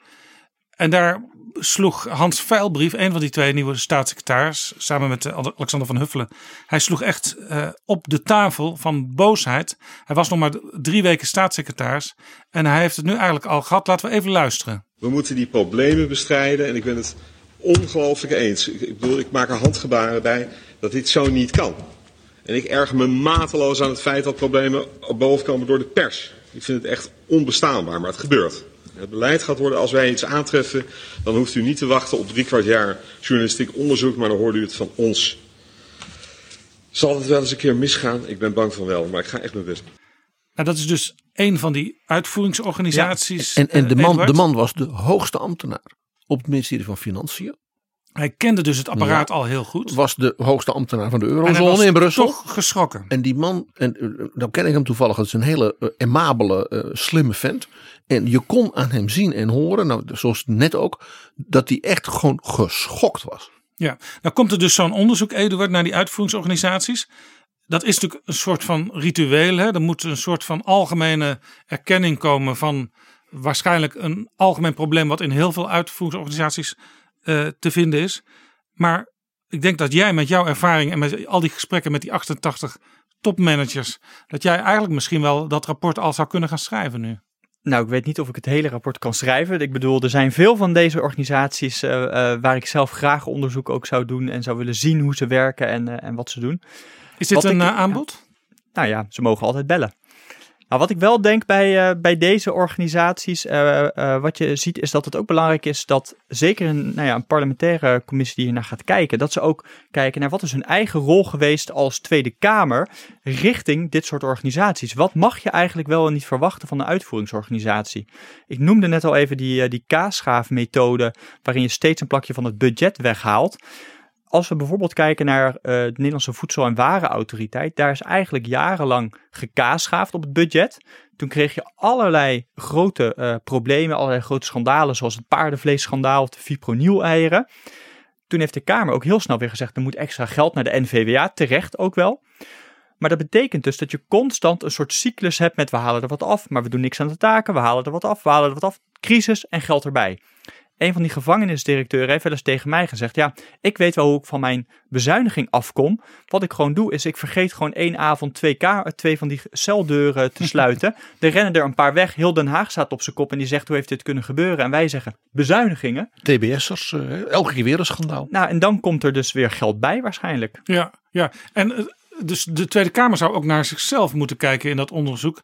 Want eh, eh, bijvoorbeeld bij die Belastingdienst die de toeslagen moest uitkeren. Eh, daar was de Kamer eerst heel erg boos. Toen bleek dat er gefraudeerd werd door, ik dacht, Roemenen met... Bulgaren. Bulgaren. Dat, oh ja, het heet Dat ook was bij het UWV. de, volgens Bul- mij. de Bulgaren fraude. En vervolgens, soms ja. waren het dezelfde Kamerleden. Ik noem bijvoorbeeld Pieter Omtzigt. Die weer heel boos zijn als de toeslagen niet goed worden uitgekeerd. En als mensen plotseling een toeslag kwijtraken zonder dat ze weten waarom. En daardoor aan lage wal komen. Dus, dus de signalen die de Tweede Kamer uitzendt. Die zijn soms ook een beetje met elkaar in strijd. Ja, wat hier bij die Belastingdienst ook nog zo interessant is en wat zeker meegenomen moet worden in dit onderzoek, is het feit dat bijvoorbeeld de top van de Belastingdienst toen besloten werd om de toeslagen onder te brengen bij de Belastingdienst, heeft gezegd, dit moeten we niet doen hier. Want onze organisatie, daar gaat het om innen. Dat is waar wij goed in zijn, wat we ook proberen zo efficiënt mogelijk te doen. En dat is een heel andere tak van sport eigenlijk ook weer dan toeslagen uitkeren. Ja, de directeur-generaal Belastingdienst zei in 2005, ik ben even haar naam kwijt, maar ze, is inmiddels ook weg. Toen die toeslagen, dat past niet in onze cultuur. Eh, dit is denk ik een voorbeeld van luister goed politiek, luister goed naar de expertise van topambtenaren. Want ja, ze hebben natuurlijk belangen, maar ze weten ook wel degelijk hoe zo'n organisatie in elkaar zit en hoe die functioneert. Precies. Wat ook het interessante is aan dit voorbeeld, er wordt wel eens gezegd, topambtenaren zijn alleen maar bezig om hun eigen organisatie en hun eigen koninkrijk te vergroten. Maar topambtenaren staan natuurlijk soms echt wel op de rem als ze zien van dit is niet in het belang van mijn organisatie. Ehm, je, hebt, je hebt eigenlijk hier in dit geval, eh, is er misschien sprake van, van tegenkracht van topambtenaren richting politici. Ehm, en natuurlijk moeten topambtenaren uitvoeren wat uiteindelijk eh, de politiek besluit. Maar het is heel gezond als die, als die topambtenaren wel voldoende ruimte hebben om te zeggen: dit kan niet. Zeker in het geval van een bezuiniging ook. Dat je zegt: ja, als wij nu nog meer bezuinigen op zo'n gevangenis, dan komt de veiligheid in het geding. Een heel mooi voorbeeld is ook bij die Belastingdienst de merkwaardige kant dat de uitvoeringsorganisatie en de verantwoordelijke beleidsorganisatie gescheiden waren. Want het ministerie van Sociale Zaken ging erover. En de uitvoering zat dus bij de ambtenaren van Financiën, van de Belastingdienst, die zeiden: ja, eigenlijk is dat niet helemaal het soort ding waar wij, waarvoor wij zijn ingericht. Dus dat gaf al aan dat er een soort disconnect was tussen beleid, verantwoordelijkheid en uitvoering. Ja. Dus dat is ook een onderwerp waarvan ik dus denk. Eh, eh, dat die commissie, eh, zeg maar, naar aanleiding van de motie Herma, daar nog eens ook dus heel serieus ook inderdaad naar het eigen functioneren en de eigen veronderstellingen van de Kamer moet kijken. Eduard, is het in dit licht verstandig dat één staatssecretaris, Menno Snel, is opgevolgd door twee nieuwe staatssecretarissen? Want je ziet, als, als de Kamer iets wil weten, dan komen ze ook allebei naar de Kamer. Eh, Of eh, zou dit misschien een recept zijn voor weer nieuwe problemen? Ik kan me heel goed voorstellen dat juist bij zo'n grote organisatie als de Belastingdienst, en zeker die, die problemen, dat het echt ook nou ja, bij het zulke verschillende taken zijn die daar ondergebracht zijn, dat je dat ook door twee bewindspersonen dan in die zin laat, eh, door twee staatssecretarissen laat, eh, laat bekijken. Ehm, en ik denk ook dat er gewoon zoveel werk te verzetten is. Ook als je kijkt naar bijvoorbeeld ehm, de reorganisatie van de Belastingdienst, waar ze heel veel mensen kwijt zijn geraakt. En niet altijd de mensen waarvan ze eh, misschien hoopten dat die zouden vertrekken. Ehm, ik kan me heel goed voorstellen dat je daar aan één eh, staatssecretaris niet genoeg hebt. Nee, de baas van de Be- Belastingdienst eh, die vertrok en die eh, kreeg meteen weer een nieuwe baan, namelijk gemeentesecretaris van de gemeente Den Haag. De politiek werd daar heel erg bozig over. Van ja, die man die heeft een organisatie geleid die niet functioneerde. Hoe kan hij meteen weer zo'n nieuwe baan krijgen? Nou, dat kon omdat hij zit in de algemene bestuursdienst. Dat is een systeem van topambtenaren va- vanaf een bepaalde schaal, schaal 15 tegenwoordig. eh, die circuleren. Dat betekent dat je maximaal zeven jaar de baas kan zijn van een onderdeel van een bijvoorbeeld een ministerie. Die zeven jaar is overigens bedacht, heb ik begrepen, door eh, Mark Rutte. Die vond dat een, een goed eh, aantal jaren. En over die algemene bestuursdienst wordt nu ook een beetje geklaagd de laatste tijd. Er is dus ook discussie over ontstaan. Eh, want wat blijkt, eh, heel veel van die topmanagers, dat zijn gewoon een soort algemene generalistische leiders. Die geen, niet echt verstand meer hebben van het métier wat eh, onder hen valt. Bijvoorbeeld, ik noem maar wat. Je kunt dus zonder jurist te zijn nu de baas zijn ambtelijk op justitie. Ehm, en een ander effect is, doordat je maximaal zeven jaar daar mag zitten, gaan veel mensen die die functies hebben, na een jaar of vier, vijf alweer kijken naar een andere baan. Want ze zijn bang dat ze anders niet op tijd weg zijn en dan zonder werk zitten een tijdje. Het is een soort bureaucratische stoelendans. eh, in eh, waarbij iedereen voortdurend een stoeltje weer verschuift en dan eentje Ja. eraf valt. Toch Eduard, in, eh, ik geloof onder paars 1 werd dit ingevoerd, dit- deze algemene bestuursdienst. Wat was toen het idee om het zo te gaan doen? Waarom wilden ze af van die eh, superbureaucraten die misschien al 15 of 20 jaar eh, directeur of secretaris-generaal op een ministerie waren? Ja, het, in ieder geval het imago van topambtenaren, dat bestond heel erg eh, uit het, type Sir Humphrey Appleby van eh, Yes Minister. Ehm, dus het idee van een topambtenaar die aan alle touwtjes trekt, die de macht heeft, vooral omdat die al jarenlang, misschien wel 30 jaar op zo'n ministerie zit en alle ins en outs kent. En die bewindslieden, dat zijn passanten. Exact. Hè, die komt en daarna een kabinet of twee kabinetjes is zo iemand weer weg. En er wordt een groot afscheidsfeest georganiseerd. Maar Sir Humphrey blijft. Nou, dat was het idee. If it's our job to carry out government policies, shouldn't we believe in them? What an extraordinary idea. Why? Bernard, I have served 11 governments in the past 30 years. If I'd believed in all their policies, I would have been passionately committed to keeping out of the common market and passionately committed to going into it. I would have been utterly convinced of the rightness of nationalizing steel and of denationalizing it and renationalizing it. In capital punishment, I'd have been a fervent retentionist and an ardent abolitionist. I would have been a Keynesian and a Friedmanite, a grammar school preserver and destroyer, a nationalization freak and a privatization maniac, but above all, I would have been a stark staring raving schizophrenic. Even een voorbeeld uit de praktijk. Toen PvdA-kamerlid Rick van der Ploeg staatssecretaris van Cultuur werd in 1998. Toen vroeg hij aan zijn directeur-generaal, Jan Riesekamp was dat. Een trouwens van Betrouwbare Bronnen. Hij vroeg, hoe lang zit jij hier nog? En het antwoord van Riesekamp was, langer dan jij. Dat is dus vaak precies die houding die ook Sir Humphrey Appleby uitstraalt. Oké, jij bent een passant. Ik zit hier over jaren en jaren nog steeds. En ik heb plannen met dit ministerie, met mijn domein. En jij kunt daar misschien een paar schroefjes aan eh, losdraaien of wat vast te draaien. Maar uiteindelijk ben ik degene die de machine draaiend houdt. En heel belangrijk bij zeg maar, de, zeg maar, dat type hoge ambtenaren in die ministeries en ook uitvoeringsorganisaties. Bijna iedereen die hier werkt, is er gekomen doordat ik zei: die vrouw lijkt me een goede. Die man ken ik nog uit een vorig leven. Dat is een uitstekende zeg maar, ambtelijk assistent. Dus er is ook nog een soort ik wil niet zeggen hofhouding, maar een soort apparaat rondom en onder meestal zo iemand, die ook helemaal is ingesteld op het functioneren van zo'n topambtenaar. Een enorme loyaliteit. Een grote loyaliteit, ook natuurlijk uh, I scratch your back and you scratch my back, dat is ook zo.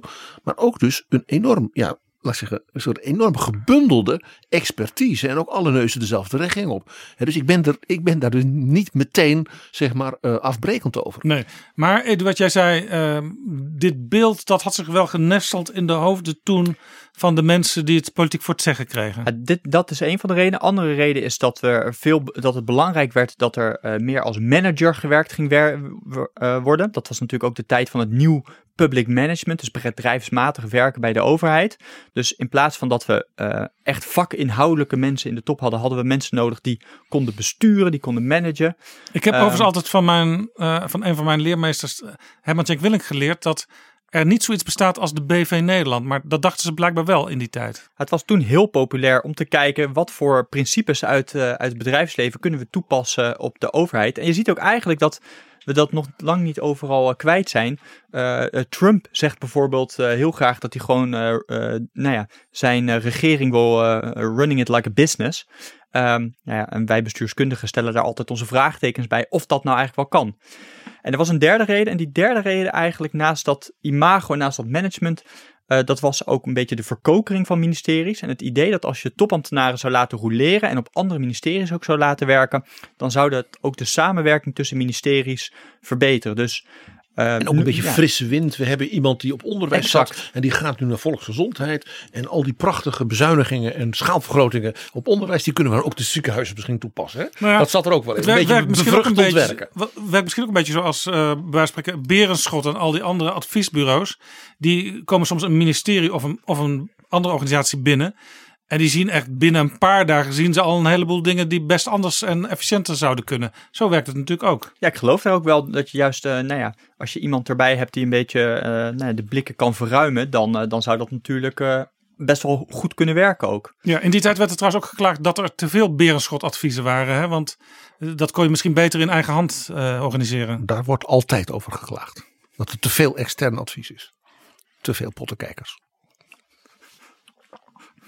En Edward, um, dat was toen het idee. Nou, dat is ingevoerd. We, zijn inmiddels uh, 25 jaar verder. En nu lijkt het wel of de politiek een beetje rijp aan het worden is om de boel weer een beetje terug te draaien. Ja, wat ik denk wat er is gebeurd, is dat we misschien wel te rigide zijn gaan vasthouden aan wat er toen bedacht is. We hebben dus het 3-5-7 systeem. Dus na drie jaar weet je wat je doet. Na vijf jaar moet je een beetje om je heen gaan kijken wat je wil gaan doen na je functie. En na zeven jaar ben je gewoon weg. En eigenlijk zou het misschien wel goed zijn om af en toe eens te kijken: hey, is het niet beter om te zeggen iemand zit gewoon negen jaar op zijn plek als iemand gewoon heel goed past bij de organisatie of de organisatie zit in zwaar weer. Er zijn best wel goede redenen waarom iemand juist ook langer zou willen zitten. En dat kan eigenlijk in het huidige systeem bijna niet meer. Um, dus je zou kunnen zeggen, ja, hier gaat misschien wel uh, het systeem en de regels gaan een beetje boven de meerwaarde die iemand nog kan hebben als topambtenaar in de organisatie. Maar eigenlijk zeg jij dus, men is wat fundamentalistisch geweest in dat systeem. Uh, in plaats van dat men oog had of voldoende oog had voor maar elk terrein des levens en dus ook van het bestuur en ook de tijd. Elke tijd is weer anders en heeft zijn eigen ja, finesses.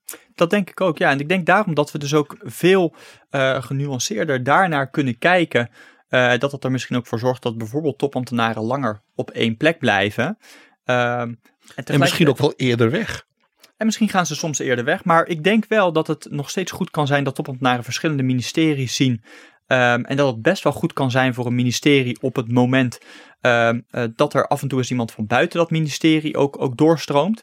Um, en dat we misschien ook veel meer moeten gaan kijken naar eh, wat we dan in de, in de bestuurskunde shared leadership noemen. En ik denk ook namelijk dat we. Shared leadership? Shared leadership is eigenlijk dat je. eh, het leiderschap zit niet alleen maar bij de leider zelf, maar juist ook binnen de organisatie. Wil juist ook leiderschap geven en dus ook ruimte geven aan de professionals die er weet van hebben. Dat is interessant. Wat, wat ik een beetje beschreef van de Humphrey Appleby-achtige figuren. Die dus om zich heen vaak soms hè, in 10, 20 jaar dat, dat soort mensen hadden. Vaak onzichtbare, die is hele hoogambtenaren, maar waar ze wisten, daar kan ik op leunen voor dit en dit. Dat, dat doet heel erg denken aan dat shared leadership ermee.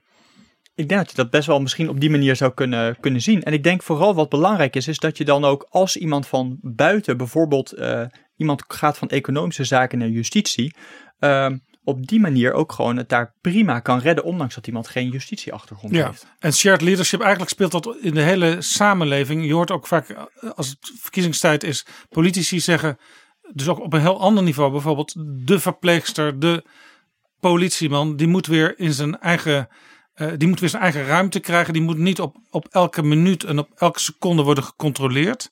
Dus eigenlijk speelt het op heel veel niveaus in de samenleving. Zeker, ja, dat nieuw public management heeft ervoor gezorgd dat we enorm op efficiency zijn gaan sturen en op doelmatigheid. Dus we zijn- Protocollen. protocollen, structuren, systemen, allemaal dat soort dingen. Eh, en dat gaat soms eigenlijk eh, ten koste van waar uiteindelijk een organisatie voor is opgericht. En nu merk je dus eigenlijk ook weer een kentering, zeker bij uitvoeringsorganisaties, dat er meer nagedacht moet worden a- naar de bedoeling achter regels dan alleen maar de regel zelf. Ja. Maar dat maakt het wel lastig, want als je bijvoorbeeld professional bent bij de Sociale Verzekeringsbank en je bent de hele dag bezig met regels en je wordt ook afgerekend op hoeveel dossiers jij bijvoorbeeld in een uur eh, afwerkt en opeens ga je denken, hé, hey, bij deze persoon kan ik beter niet de regel houden, maar beter even nadenken over de bedoeling achter de regel. Ja, dat kost je wel tijd en dat is dus heel moeilijk om dat zomaar eh, te doen. En, en ik hoor uit dit voorbeeld eigenlijk jouw reflectie op wat er dus in die belastingdienst bij die toeslagen gebeurde. Die verhalen die eh, eh, Klein en de man van Trouw vertelden, dat, dat is bijna een echo van, van, van, van dit voorbeeld. Ja, ik denk echt dat dat heel belangrijk is voor al die uitvoeringsorganisaties om veel meer na te denken. Waarvoor zijn we nou eigenlijk in het leven geroepen? En dat is niet eh, om altijd maar de regels te volgen. Eh, een sociale verzekeringsbank is ooit bedacht vanuit bestaanszekerheid van burgers. En dat betekent dus ook dat je bij alles wat je doet moet nadenken of je die bestaanszekerheid misschien niet bedreigt juist door bepaalde dingen te doen. En nou zijn ze bijvoorbeeld bij eh, de SVB al heel ver met deze, deze manier van werken en verder denken dan alleen maar de regels op papier. Maar heel veel andere publieke organisaties lopen er nog tegenaan eh, dat de structuren niet zijn ingericht om ruimte te geven aan de professional. En wat voor organisatie moet ik denken, concreet? Ik denk dat de Belastingdienst bijvoorbeeld nog niet zo ver is met denken vanuit die bedoeling waarvoor ze zijn. Ehm, en dan speelt natuurlijk bij die toeslagenfraude ook nog mee dat de bedoeling van het innen van belastingen een hele andere bedoeling is dan het uitkeren eh, van bijvoorbeeld kinderopvangtoeslag. Ja, wat ik ook een heel traag, tragisch idee vind. ehm, als je het hebt over, we zouden de belastinginning veel logischer kunnen inrichten. Het eerste wat je dan hoort vanuit de Belastingdienst is, dit kunnen wij niet aan. Dus het eenvoudige, het logischer maken, dat kan zo'n dienst niet aan. Dat is eigenlijk de omgekeerde wereld. Ja, de druk is zo groot op de bestaande processen. Dat als je in die bestaande processen een soort, soort experimenteel scenario van bijvoorbeeld een jaar of twee, drie erop legt, dat alles instort. Ja, en ook om dan weer de link te maken naar bezuinigingen. Bezuinigingen hebben ervoor gezorgd dat alle ruimte binnen publieke organisaties vaak ook weg is om bijvoorbeeld na te denken over andere manieren van werken. Dus eigenlijk zou je best wel kunnen zeggen: het is goed als een publieke organisatie een beetje vet op de botten heeft en af en toe kan nadenken over: kunnen we het anders doen? Dan dat het ook tegen een stootje kan. Ehm, en dat is bijvoorbeeld bij de Belastingdienst inderdaad, denk ik, niet het geval. Ja, zoals dat geldt eigenlijk voor een organisatie zoals het ook voor mensen geldt. Hè. Als, als, als, er een keer, als je een keertje een middagje niet zoveel te doen hebt, dan kan dat heel louterend werken voor de rest van de week. Exact, ja. Weet je nog, Jaap, het voorbeeld van die sociale verzekeringsbank, ja, dit schiet mij duur door het hoofd. Dat we een tijdje geleden over Frans Kafka hadden. Ja. En dat hij als heel jong jurist, ja, al eigenlijk een topambtenaar was in de sociale verzekeringsbank van het Koninkrijk Bohemen. En dat hij dus zo iemand was die dus het land in ging. En dus in fabrieken keek, hè, waar die ongelukken vandaan kwamen. En dus met allemaal, hè, want hij werd door zijn bazen enorm gewaardeerd, briljante oplossingen kwam. En soms ook die fabrieksdirecteuren gewoon zou, je, bijles gaf. eigenlijk zou je dus een aantal Kafka's moeten benoemen. Een soort Kafka-brigade. Ja, dat is geloof ik weer iets anders. Hè? De Kafka-brigade bestaat inderdaad. Maar dat, dat, dat, dat vertel ik een andere keer Ja. over. Maar je zou dus een Kafka's het land in moeten sturen. eh, die gewoon met alle ruimte, bij wijze van spreken, na een half jaar of drie kwart jaar rapporteren aan de minister. Dit is er los in het systeem. Ik zie bij die kinderopvang dit en dit verkeerd gaan. Ik heb met die mensen gepraat. En, en, en, en het bleek dus ook nog eh, een, een, een heel indirect, op een heel aparte manier, eh, inspiratie voor het, ook het allerbeste ongeveer uit de wereldliteratuur. Ja. Zo zie je maar. Aflevering 70 van Betrouwbare Bronnen, daar kun je dat hele verhaal over Kafka terug horen. Eduard, eh, een tijdje geleden in februari had NRC een aantal artikelen over topambtenaren. Die werden ook eh, geciteerd met naam en toenaam. Dirk Stokmans en Philip de Wit Wijnen hebben die artikelen geschreven. En daar wordt eigenlijk eh, ondersteund wat jij eh, net zei. Eh, bijvoorbeeld Pieter Klo, die eh, lange tijd eh, leiding heeft gegeven aan justitie. Ik zie aan de top voorzichtige procesmanagers die vaak geen eigen standpunt innemen.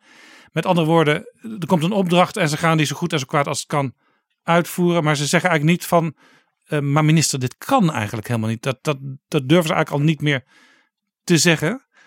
En ze zwijgen blijkbaar ook tegen elkaar, behalve misschien bij de koffieautomaat. En die Pieter Klo, ook nog interessant, die wilde af en toe op werkbezoek, juist om te gaan kijken hoe het er in de uitvoerende diensten aan toe ging. Maar ja, dat vonden ze op het ministerie eigenlijk maar lastig. Dan was hij uit zicht en dan konden ze hem niet om hulp vragen op woensdagmiddag om half vier, bij wijze van spreken. Dus eigenlijk uit de praktijk kom- komt gewoon een soort ondersteuning van. We zijn misschien wel te ver doorgeschoten in dat systeem. Ja, ik kan me best wel voorstellen dat we daarom dat systeem ook eh, veel beter nog dat we onder loep moeten nemen hoe we dat beter kunnen doen. Ehm, en ik denk dat het wel een hele lastige balans is voor topambtenaren. Dat je enerzijds wel gewoon de politiek moet blijven bedienen. We willen namelijk niet allemaal topambtenaren die maar zelf doen wat ze willen. En aan de andere kant moet je wel als topambtenaar op het juiste moment op de rem kunnen trappen en zeggen dit kan niet meer.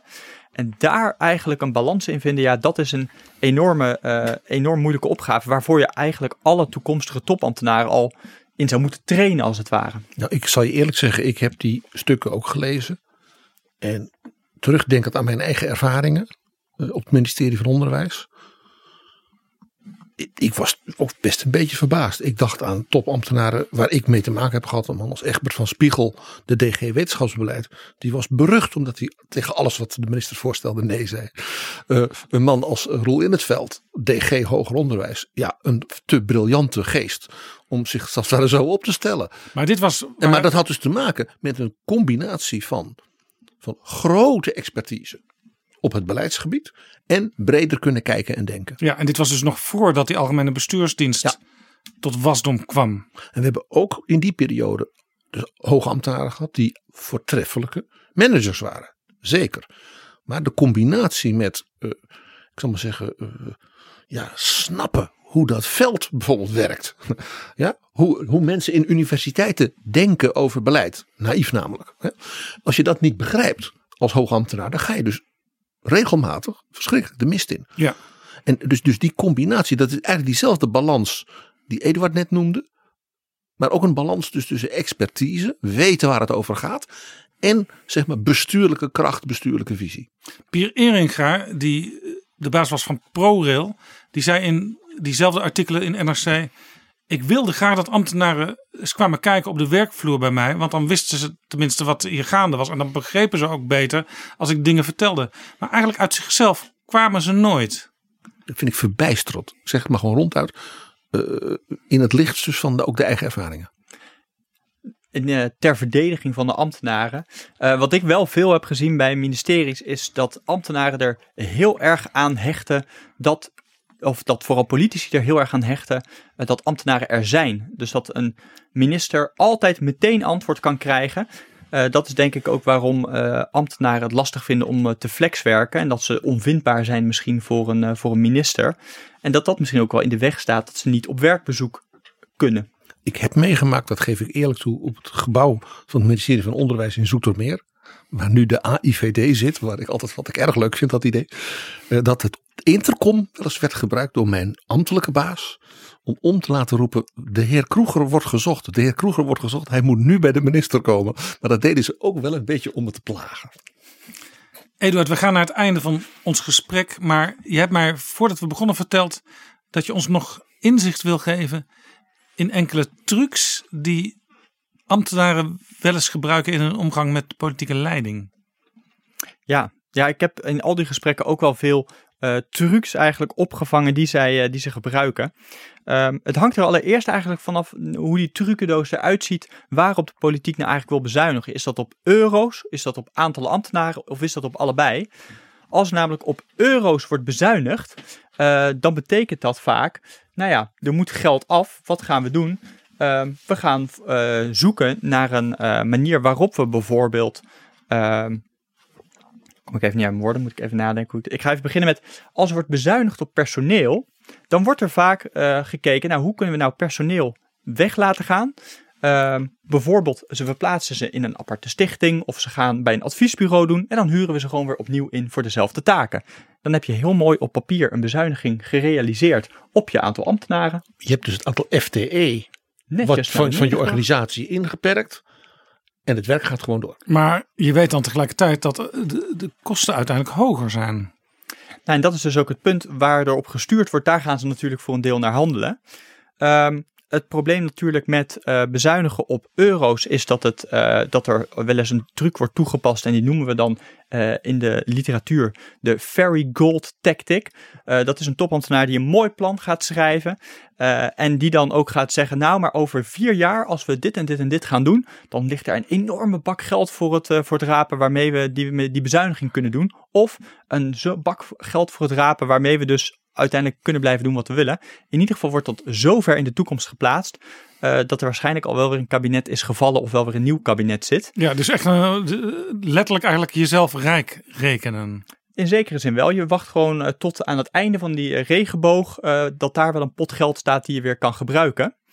Um, en als laatste heb je natuurlijk nog het grote probleem, denk ik, wat nu wel eigenlijk is, is dichtgeplamuurd, zou ik maar zeggen, voor, uh, voor topambtenaren.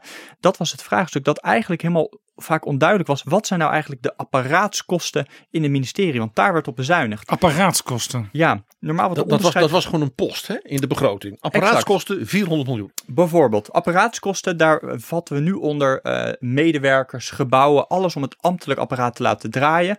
Ten opzichte van beleidskosten en beleidskosten of programmageld. Dat is bijvoorbeeld het geld dat uitgegeven wordt aan de universiteit of aan, aan studiefinanciering, noem maar op. Op het moment dat we dus geen definitie hebben voor die apparaatskosten, wat dat zijn, dan kon er heel makkelijk gezegd worden: Weet je wat, uh, we leggen wel een weg minder aan, dan kan ik hier wat, uh, wat compenseren, bijvoorbeeld. En Blok is eigenlijk de eerste die heeft gezegd: Weet je, we moeten eens gaan definiëren wat nou eigenlijk apparaatskosten zijn. Dat was Stef Blok, toen minister van Wonen en Rijksdienst. En die heeft toen ook natuurlijk gezegd: Ja, en laten we ook maar eens voor elk ministerie gelijk maken wat dan wel en niet apparaatskosten zijn ja, dat heeft het natuurlijk voor topambtenaren wel een stuk moeilijker gemaakt om daar eh, mee te spelen. Maar geeft wel veel helderder natuurlijk, als je moet bezuinigen, waar dat dan op moet zijn. Stef Blok maakte zich toen dus niet geliefd hiermee. Ik denk niet dat mensen hier uh, heel blij mee waren wat dat betreft. Maar uh, ik denk wel dat het een goede beslissing is.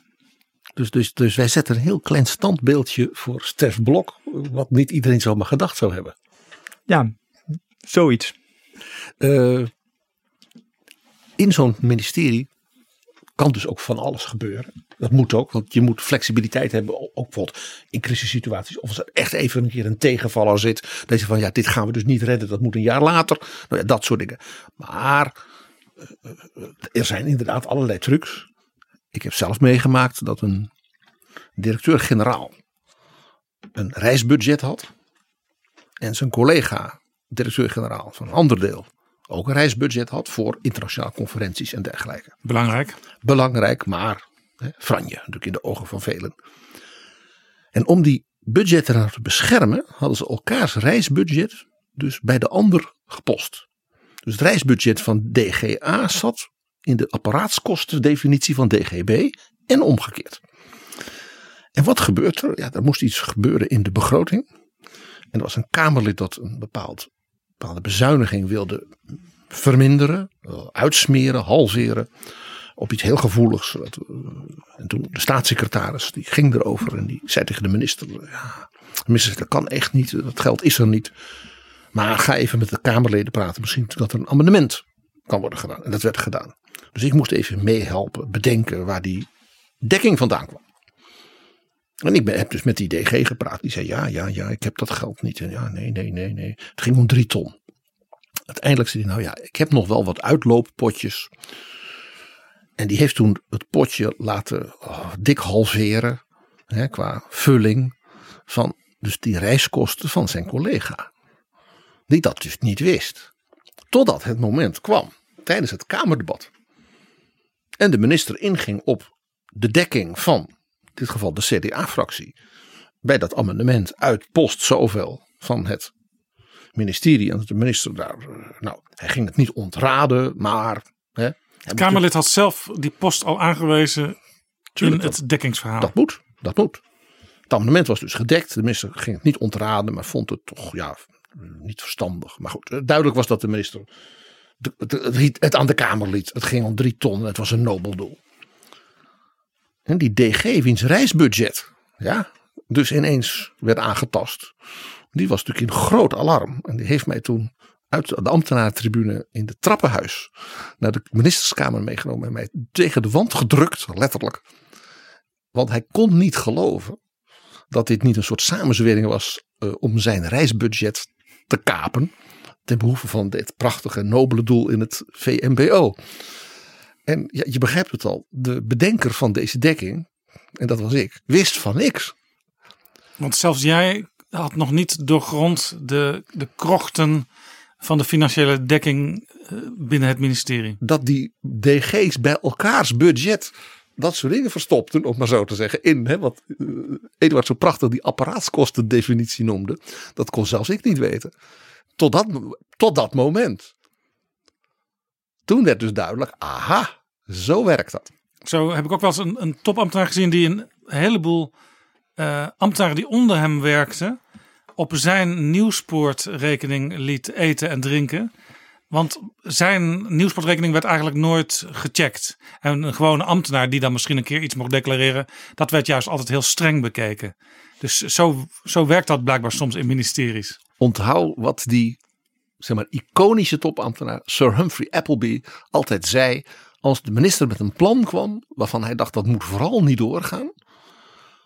En hoe hij dat de minister uit zijn hoofd praat. Het begon meestal met de minister waarderend toe te spreken. Ja, knikken. Zeer interessant, boeiend plan, minister. Ja, fascinating. En, zei- en dan zei de minister, ja, en dan dit. hè. Jim Hacker was die minister, en dit en dit. En dan, en dan zei hij. En het staat ook in mijn verkiezingsprogramma en mijn, mijn achterban zal het eh, toejuichen. En een briljante professor van het wetenschappelijk instituut van onze partij heeft het helemaal doorgerekend. Nou, dat vinden ze ook al niks, die ambtenaren, want dat willen zij natuurlijk doen. Hè. En dan zei Sir Humphrey, eh, oh minister, how courageous. En dan wist dus de minister, als ik dit doorzet, dan is dat het eind van mijn carrière. Want dit is zo dapper, dat moest ik maar niet doen. how courageous. Ja, nog één ding eh, wa- waar ik zelf nog aan dacht eh, bij eh, de voorbereiding van dit gesprek. Wat je ook heel vaak tegenkomt in de ambtelijke wereld. En tot spijt ook van mensen zoals ik, journalisten. Dat er tegenwoordig ook heel veel dingen niet worden opgeschreven in ambtelijke stukken. Want ja, alles wat opgeschreven wordt, kan uiteindelijk via bijvoorbeeld een WOP-verzoek naar buiten komen of op een andere manier Dat is dan wobabel, zoals dat uitlekken. heet. Dus wordt er tegenwoordig vaak gewerkt met eh, gele briefjes die ergens opgeplakt worden. Of wordt er gewoon gezegd als iemand eh, bijvoorbeeld een mailtje wil sturen aan de minister om hem te adviseren. Kom maar even langs op het departement. Dan kun je het mondeling vertellen. Dat is veel leuker. En dat betekent eigenlijk gewoon, er komt dan niks op papier voorlopig. Ja, dat, dat lijkt me uit het. eh, nou, vervelend als dat voor eh, eh, ambtenaren geldt en ze daardoor ook het gevoel hebben dat je geen eh, tegengeluid meer mag laten horen. Ehm, ja, dus wat dat betreft denk ik dat juist dappere, dappere ambtenaren of dappere topambtenaren het wel op de mail moeten zetten, ook om te laten zien. uiteindelijk is het de politiek die besluit, wij voeren uit, maar we hebben wel gezegd, dit moeten we wel of niet doen. En ik denk gewoon ook dat een minister dan er maar voor kan moet op staan. een betere manier. Exact. Uiteindelijk moet de minister dan gewoon staan voor wat er is besloten en maar uitleggen waarom bijvoorbeeld de adviezen van een ambtenaar niet zijn eh, Ja. gevolgd. Ik introduceerde eh, dit, dit gesprek met ehm, alles wat het gevolg kan zijn van het coronavirus. Eh, bijvoorbeeld een nieuwe economische recessie. En In dat geval zullen ook de Rijksuitgaven weer opnieuw onder de loep worden genomen. Dat zal trouwens sowieso wel gebeuren, hè, want er komt natuurlijk nieuwe verkiezingsprogramma's, er komt een nieuwe kabinetsformatie, een nieuw kabinet. In verkiezingsprogramma's staan ook allerlei beloften die extra geld kosten. Hoe zie jij, gezien het coronavirus en alles wat daarmee samenhangt, de nabije toekomst? Gaan we weer een periode van stevige bezuinigingen in? Nou, ik ben geen econoom, dus ik kan moeilijk uitspraken doen over allerlei macro-economische verschijnselen. Maar wat ik wel weet is dat in verkiezingsprogramma's vaak ambtenaren toch het kind van de rekening zijn als het gaat om bezuinigingen. Want eigenlijk van links tot rechts in het politieke spectrum vinden we eigenlijk altijd wel dat het wel met wat minder ambtenaren kan. En ik hoop in ieder geval dat dit niet leidt tot gewoon maar weer een efficiëntiekorting of dat soort dingen. Maar dat er in ieder geval gewoon echt goed wordt nagedacht over wat vragen we nou eigenlijk van onze overheid, van onze uitvoeringsorganisaties, van onze gemeente. Um, en dan komen we er misschien op dat we bepaalde taken niet meer gaan doen of minder gaan doen. Maar dat we in ieder geval bedenken, wat kan en de overheid doen en wat zijn wij bereid daarvoor te betalen. Roel Becker, zelf heel lang topambtenaar geweest. Die had boven zijn oratie, toen hij op een gegeven moment eh, ook uh, aan de universiteit ging werken, het volgende motto gezet. Wer nichts ist oder wer nichts kann, geht zur Post oder Eisenbahn. Aber wer dazu nog zu doen, der komt ins ministerium. Dit klinkt als een typisch 19e eeuws satirisch gedichtje. Je zou bijna denken Heinrich Heine of iets dergelijks. Maar één ding, mooi dat een topambtenaar als Becker is met enige zelfspot. Hij is een boek aan het schrijven en daar komen ook allerlei ambtelijke uh, hoogte- en dieptepunten in. En ik ga hem zeker uitnodigen als dat boek er is om uh, als vervolg misschien op dit gesprek zijn wederwaardigheden met ons te delen. En, en dan gaan wij hem vragen of hij Perspective on Cutbacks Management in Public Organizations, What Public Managers Do, of hij dat gelezen heeft en of hij dat voor ons misschien even wil recenseren. Ja. Of dat hij zegt, uh, ja, daar staan dingen in, bepaalde trucs en zo die ik heb toegepast. En die rotjongen van een Eduard Schmid, die heeft dat allemaal maar, maar, maar, maar voor, voor, voor de lezers en de luisteraars van Betrouwbare Bronnen ontdekt. En het boek Eduard is in de handel te verkrijgen? Niet in de handel, maar wel bij mij uiteraard. En natuurlijk gewoon uh, ook grotendeels open access op de website van de universiteit te downloaden. Ik zal een link ernaar zetten in de beschrijving van deze aflevering. Dus iedereen die na dit mooie gesprek uh, nog meer wil weten, die verder wil lezen, die kan dat vinden. Mag ik nog een van de stellingen bij dit proefschrift voorlezen? Dat gaat over mevrouw van Engelshoven. Die krijgt dan een tip van Eduard. Stelling 12. Ja. The current Minister of Education would be wise to take note of how cutbacks affect the relationship between political and public actors. Wat bedoelt uh, de promovendus hiermee? Ik denk dat uh, mevrouw van Engelshoven er goed aan zou doen om eens goed te bedenken of uh, nog een efficiëntiekorting op het hoger onderwijs überhaupt kan, überhaupt goed zou zijn voor het hoger onderwijs. En nou ja, het is niet voor niets dat ik dingen als WO in actie steun, want ik denk dat het echt niet meer kan. En vooral het feit dat ze ons eigenlijk nog durft te betichten van het kan wel wat efficiënter en wat doelmatiger, dat geeft er blijk van dat ze misschien maar eens een dagje zou moeten meelopen. Ik hoor de minister ook altijd zeggen, ik ben van D66, dus u begrijpt dat ik eigenlijk wel meer zou willen uitgeven aan onderwijs en wetenschap. Maar ja, ik zit nu eenmaal ook vast aan het regeerakkoord dan vind ik het toch verbazend dat haar collega op onderwijs over het algemeen toch veel meer binnen weet te slepen dan zij uh, doet. Arie Slob uh, van de ChristenUnie. En ik denk echt, als we het toch over bezuinigingen hebben, dat bij de universiteit we heel efficiënt werken en dat de rekker echt wel uit is. Dus efficiëntie nog meer vinden, ik denk niet dat dat kan.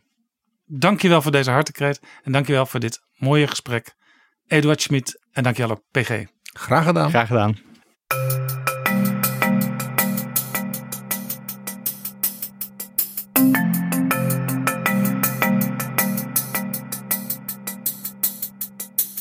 Zo, dit was Betrouwbare Bronnen aflevering 92. In de beschrijving staat een link naar het proefschrift van Eduard Schmid. Deze aflevering is mede mogelijk gemaakt door We Nederland. Overweegt u betrouwbare bronnen te sponsoren of in deze podcast te adverteren? Stuur dan een mailtje aan Flip Kilian Adams. Dat kan via flipapenstaartdagennacht.nl. Tot de volgende keer. Betrouwbare bronnen wordt gemaakt door Jaap Jansen in samenwerking met dag en nacht.nl.